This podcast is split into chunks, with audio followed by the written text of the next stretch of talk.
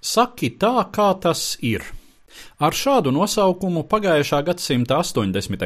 gados Savienotajās valstīs iznāca latviešu teologa, mitoloģijas pētnieka un vēsturnieka Haralda Biezā atmiņu grāmata.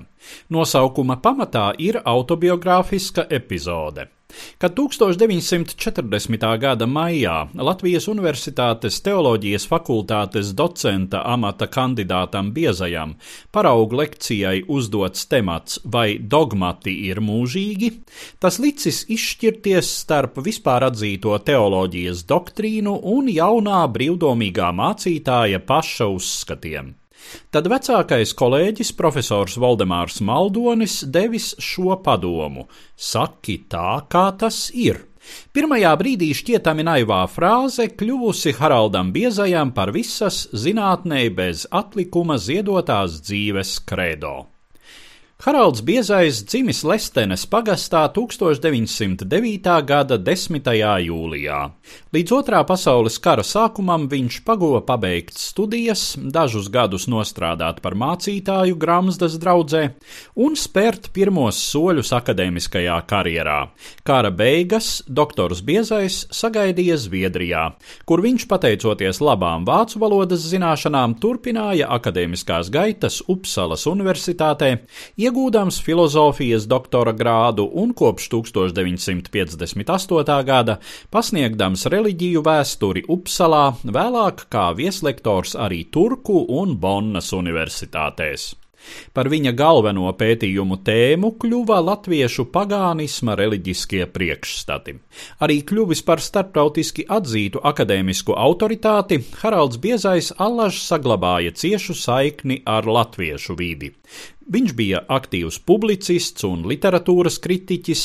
Man pašam spilgti atmiņā palicis Haralda biezā apcerējums par Evalda Vilka stāstu pusnakts stundā.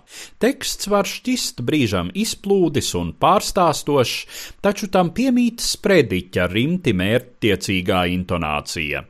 Autors iezīmē to ceļu, ko latviešu padomju rakstnieks, sarkanās armijas veterāns Vilks, nostaigājis no viņa paudzei un sociālajam lokam raksturīgajām komunistiskajām ilūzijām līdz sāpīgiem vēstures patiesības meklējumiem, kas mūža pēdējā cēlienā kļuva arī par paša Haralda biezā darbības galveno saturu.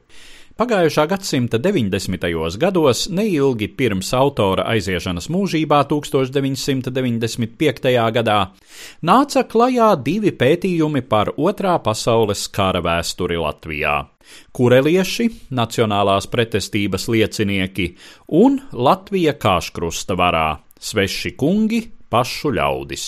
Kā atzinis autors, pievērsties vēsturnieka amploā mudinājuši ilgos gados vēroti vēsturiskās patiesības falsifikācijas mēģinājumi trimdas latviešu sabiedrībā.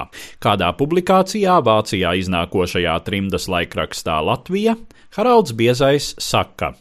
Latviešu tautas vieta kultūras tautu saimē nav atkarīga no tā, cik labi vai slikti tā spēj noslēpt savu atsevišķo locekļu vai grupu nodarījumus, bet gan no tā, cik daudz tai ir cieņas pret vēstures faktiem, it sevišķi, ja tie nav glaimojoši. Ar tiem jātiek galā katrai tautai pašai, arī latviešiem. Atbildība par saviem darbiem vienmēr ir morāles un goda jautājums. Vēstures patiesību politiskais spēks vienmēr ir tik liels, ka tas laika gājumā nosaka tautu likteņus. Stāstīja Eduards Liniņš.